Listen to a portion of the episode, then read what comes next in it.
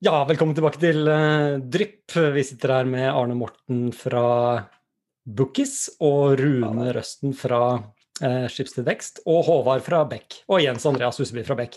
Og i uh, forrige episode snakket vi mye om uh, behovet for å finne den der product market fitten, eller behov eller problem og løsning, og få det der til å matche. Og så pensa vi jo da selvfølgelig fort inn på evolusjon.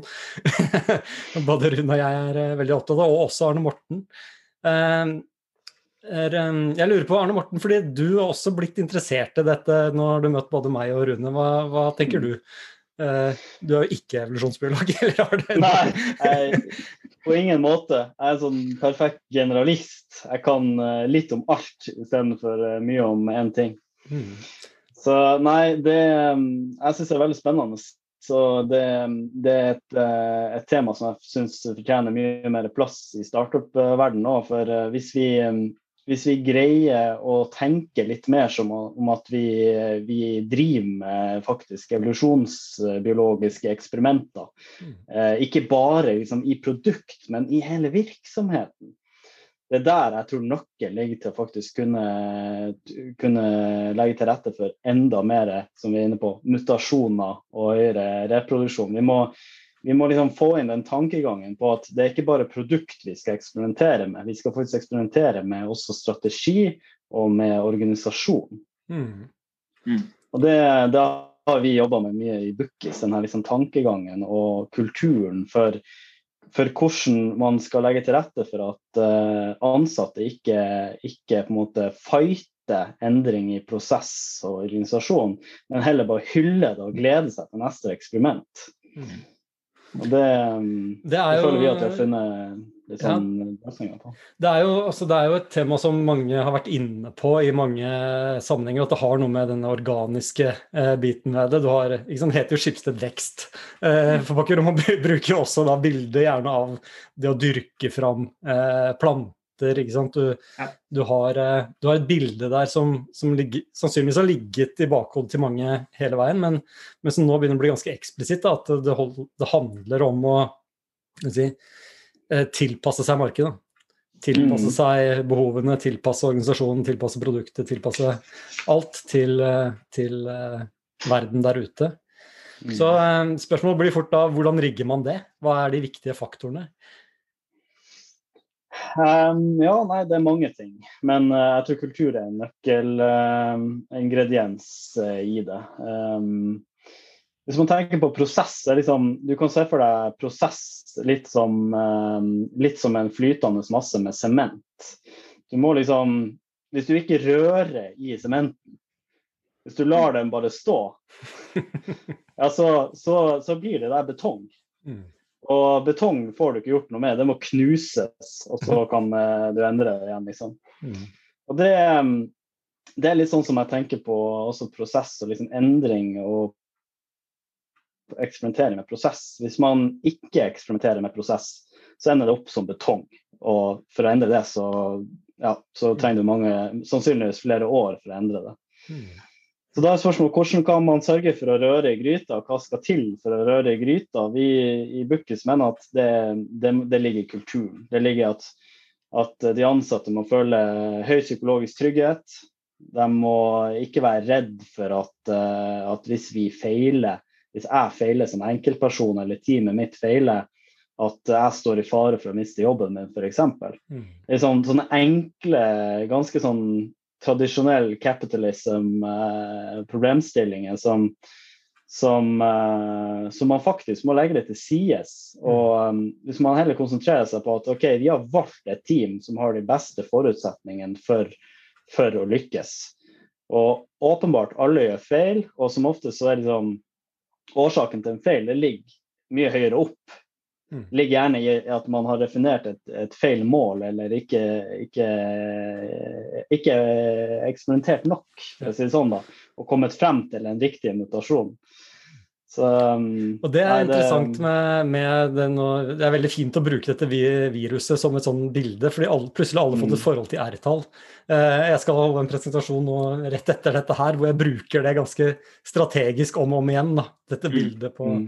Men det er en ting som folk ikke får med seg ofte, da, uh, og som gjelder både innovasjon og, og, viruset som vi ser nå, er jo at nå har vi nå har vi vel en fem varianter som er snakket høyt om i Norge, som er nye mutasjoner. Men det er jo bare de mutasjonene som har høy R, som vi snakker om. Mm. Ja.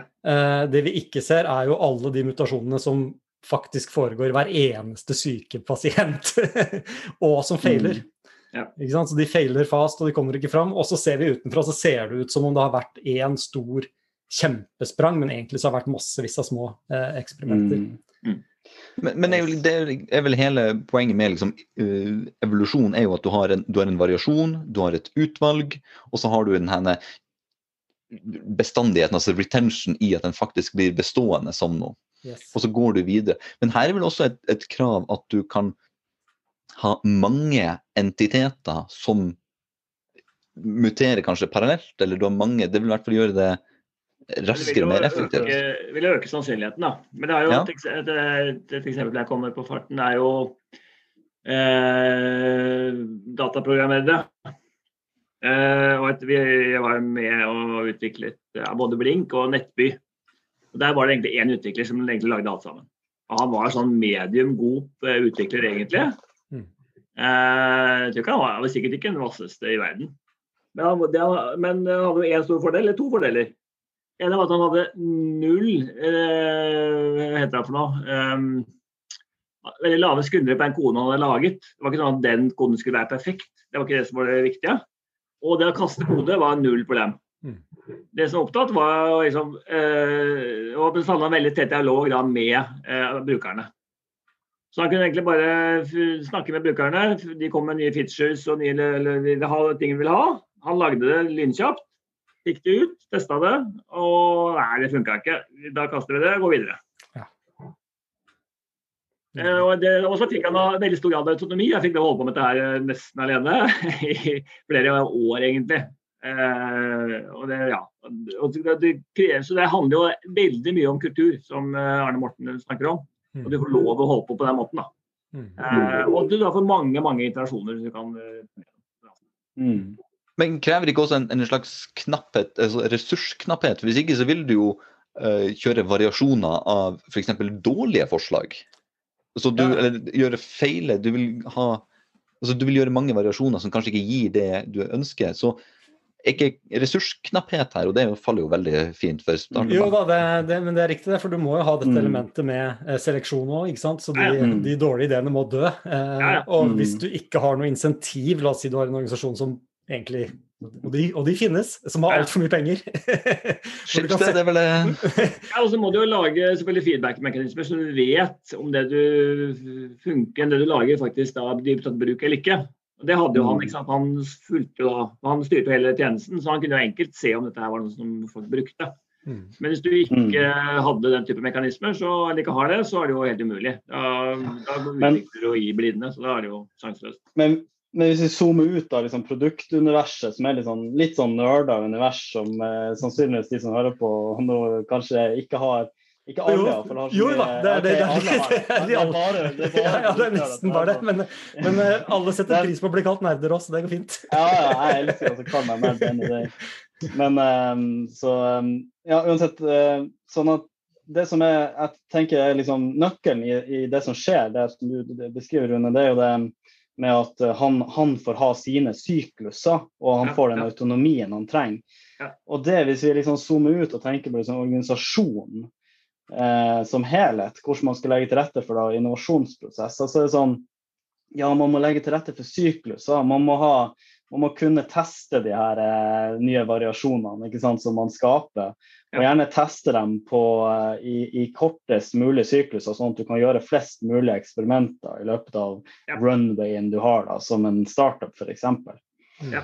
Og um, det her eh, Jeg synes uh, jeg liker veldig godt rammeverket eh, OKR. Det har jo fått masse hype uh, de siste årene. og Det er jo veldig enkelt i seg sjøl, men det, det, det, legger til rette for at man som organisasjon går inn og har uh, faste sykluser hvor man, man tester faktisk målsetninger.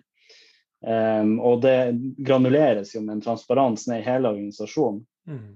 Så det er en av de, de suksessfaktorene som vi ser i Bookies er med på å gjøre at vi, eh, at vi får eh, testa nok og får uh, hurtig nok jobba med prosess. Fordi etter hver syklus så ligger det inne at vi skal gjøre evaluering. Det ligger inne at vi skal evaluere selve prosessen og ikke bare resultatet. Mm. Det er sånn det er sånne type mekanismer som jeg, jeg, tror er veldig viktige for å greie å jobbe med. Mm. Det er jeg enig i, og det er veldig bra dette perspektivendringen, altså de forskjellige nivåene her. Du har det helt ned på mm. kode eh, eh mm. produktnivå, da, hvor du eksperimenterer med features og bruker feedback som seleksjons... Eh, og så har du da hele organisasjonen hvor du ser på forretningsmodell og forretnings si, eh, levedyktighet. Mm. Eh, og så kanskje enda et nivå over der igjen, så sitter Rune og har en portefølje av selskaper ja. som hver må yes. eh, optimaliseres inni der. Og Hvordan tenker du eh, på ditt perspektiv, Rune, når du leter etter nye selskaper? Du tar kanskje ikke to som er helt like samtidig, eller gjør du det? Eller hvordan, hvordan jobber du systematisk med dette her? Eh, nei, vi har stort sett bare Vi går jo for én i kategorien, stort sett. Det gjør vi jo. Eh, selv man, men, men ut fra et evolusjonsteoretisk perspektiv så burde man jo kanskje ikke gjort det. Men, men det er jo noe med, men det er jo noe med uh, ja, å få de alle ryggene med på den tankegangen. Da. Det ikke bli blitt krevende. Mm. Uh, på den annen side så er det jo klart at det å konkurrere med seg selv, det, er jo, det ligger på at det er innbakt i dette her i en viss grad.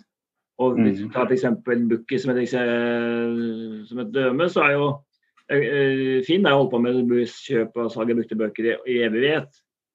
Mm. Har, det er jo samme tjenesten på en måte, men det er jo ikke tvil om at uh, den får ikke veldig mye kjærlighet, den tjenesten på Finn. Uh, og fungerer sånn passe, og, mens Bookies har en helt annen approach. Og, og selvfølgelig går veldig i dybden på akkurat det løser det problemet. Og har jo vist at det er mulig å løse problemet på en mye bedre måte og skape veldig stor entusiasme rundt det. Mm. Mm.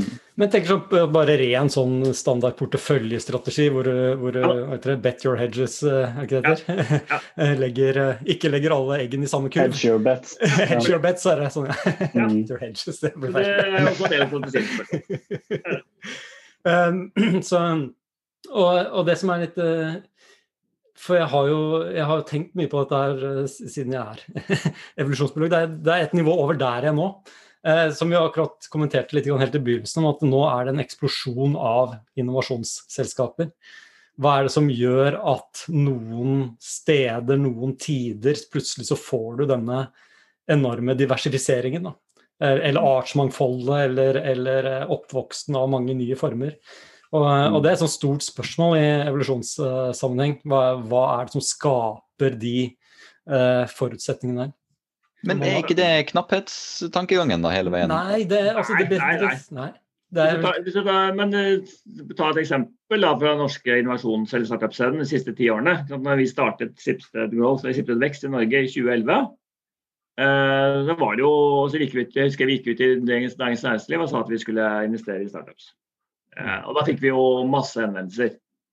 Eh, veldig mye sånne Petter Smart-fyrer som hadde en eller annen veldig god idé, og som trodde veldig mye på ideens eh, sprengkraft i seg selv. Uh, men den er jo egentlig i realiteten ikke verdt så mye. ikke sant? Mm. Du må jo teste det. Du må jo få det på lufta og skal det helt ha en verdi. Men, uh, men, da var det jo veldig vanskelig å gjøre en startup. Altså, første så måtte du jo kreve mye mer kapital. For du måtte jo helst kjøpe en serverpark markedsføring det kunne du vel egentlig basically bare få hos Skipsted kanskje noen aviser eller kanskje på TV 2. Kosta en formue. Mm.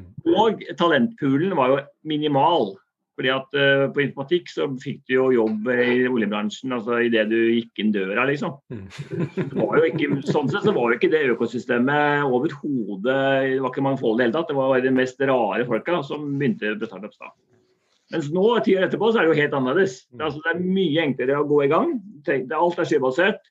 Marketing kan du gjøre billig, eksperimentere. Du kan gå ut og lage en, en MVP og poste på Facebook, liksom. Og teste før du laget noe som helst. Og metodikken, folk skjønner hvordan du skal gjøre et startup på en eller annen måte. Mm. Og talentene så kommer til i tillegg.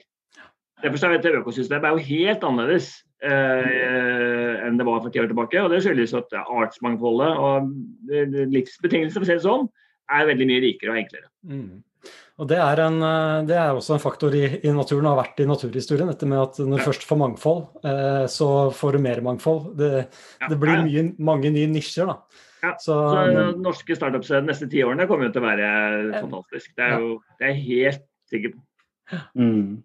Og det er mye mer kapital selvfølgelig også i, i omløp. som gjør, altså Når Røkke kan skrive 24 sider om eh, blokkjede og krypto, da skjønner du at det er noe som har skjedd. Noe har skjedd. det, er, det, ser jo ikke så gærent ut. Jeg er veldig pessimist. Jeg er veldig optimistisk på, på, ja, på dette miljøet framover. Det eneste som mangler, er at alle tenker enda litt mer evolusjon ja, jeg tror, altså, ja, det vil jo skje seg selv, men klart, man har hatt en evolusjonstilnærming. Flere hatt det, så vil det jo gå bedre, raskere. Mm. Det er musikk i mine ører, Rune. Hvor er det man kan lese den artikkelen du skrev? Den eh, ligger jo, Hvis du bare søker på Future Report Skipsted, Schibsted, så ligger den der. Eh, altså, det finnes den alt. Fins jo faktisk ikke trykk også, men den er vel, ja, det er vel best å finne på det. Future-reportene til Skipsted er jo jevnt over god lesning. Kommer de årlig? Jeg husker jeg har brukt det årlig, ja. ja. Der ligger det ute et webinar også hvor jeg snakker litt om dette. Kjempekult. Jeg har også spilt inn en podkast i Beck Open om, som heter uh, Innovasjon og evolusjon. Uh, og for en uke siden begynte jeg å kalle meg innovasjonsbiolog. Så jeg lurer på om det er det som er den nye tittelen. Innovasjonsbiologi. Kanskje det, ja. Nytt fagfelt herved eh, skapt og innovert i denne eh, episoden her. Tusen takk for at dere stilte opp. Jeg kommer til å invitere dere begge to tilbake igjen til mer prat om både deres egne prosjekter og, og kanskje mer om innovasjonsbiologi. Takk for det. Takk for meg. Drypp er en lavterskelpodkast fra Beck, hvor vi diskuterer diverse temaer som interesserer oss. Og Hvis du har et tema som du har lyst til at vi skal snakke om, eller du vil være med på en innspilling, ta kontakt på drypp.beck.no.